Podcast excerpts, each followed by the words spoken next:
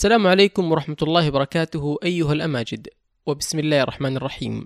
هنا بودكاست لوحة أول بودكاست عربي حواري متخصص في الأدب حسب تقرير الحادث الثقافي الصادر عن وزارة الثقافة السعودية في عام 19 و2000 وهذه عبارة لا أفتأ أعيدها كل حلقة ففيها السبق أو الريادة كما يعبر الإداريون.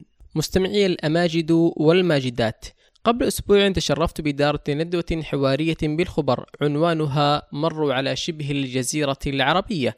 وكان ضيفها سعادة الأستاذ الدكتور صالح السنيدي والدكتور محمد المشوح. وقد أقيمت ضمن مهرجان الكتاب والقراء بالمنطقة الشرقية الذي ابتدعته هيئة الأدب والنشر والترجمة.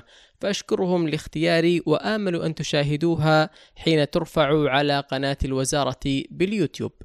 لندخل إلى الموضوع مباشرة.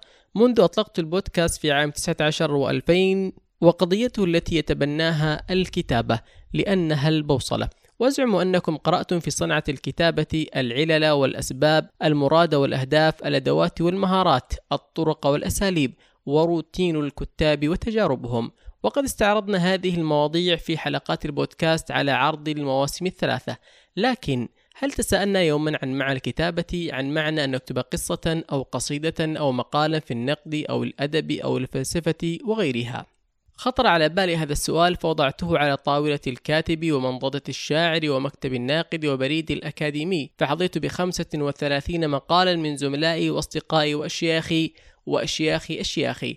ثلاثة أجيال قاربت معنى الكتابة وأسئلتها فكانت مادة كتاب أزعم أنه الأول في بابه على مستوى المكتبة العربية بهذين الاعتبارين معا معنى الكتابة وتعدد الكاتبين.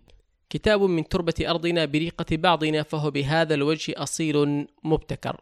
خمس وثلاثون تجربة خمسة وثلاثون مقالة منها ما ارتقى في مدارج الخيال أو سلك الدرب النقد أو عب من التجربة. أو توسل الفلسفة أو قصد الترجمة أو انتخب الكتابة للسينما.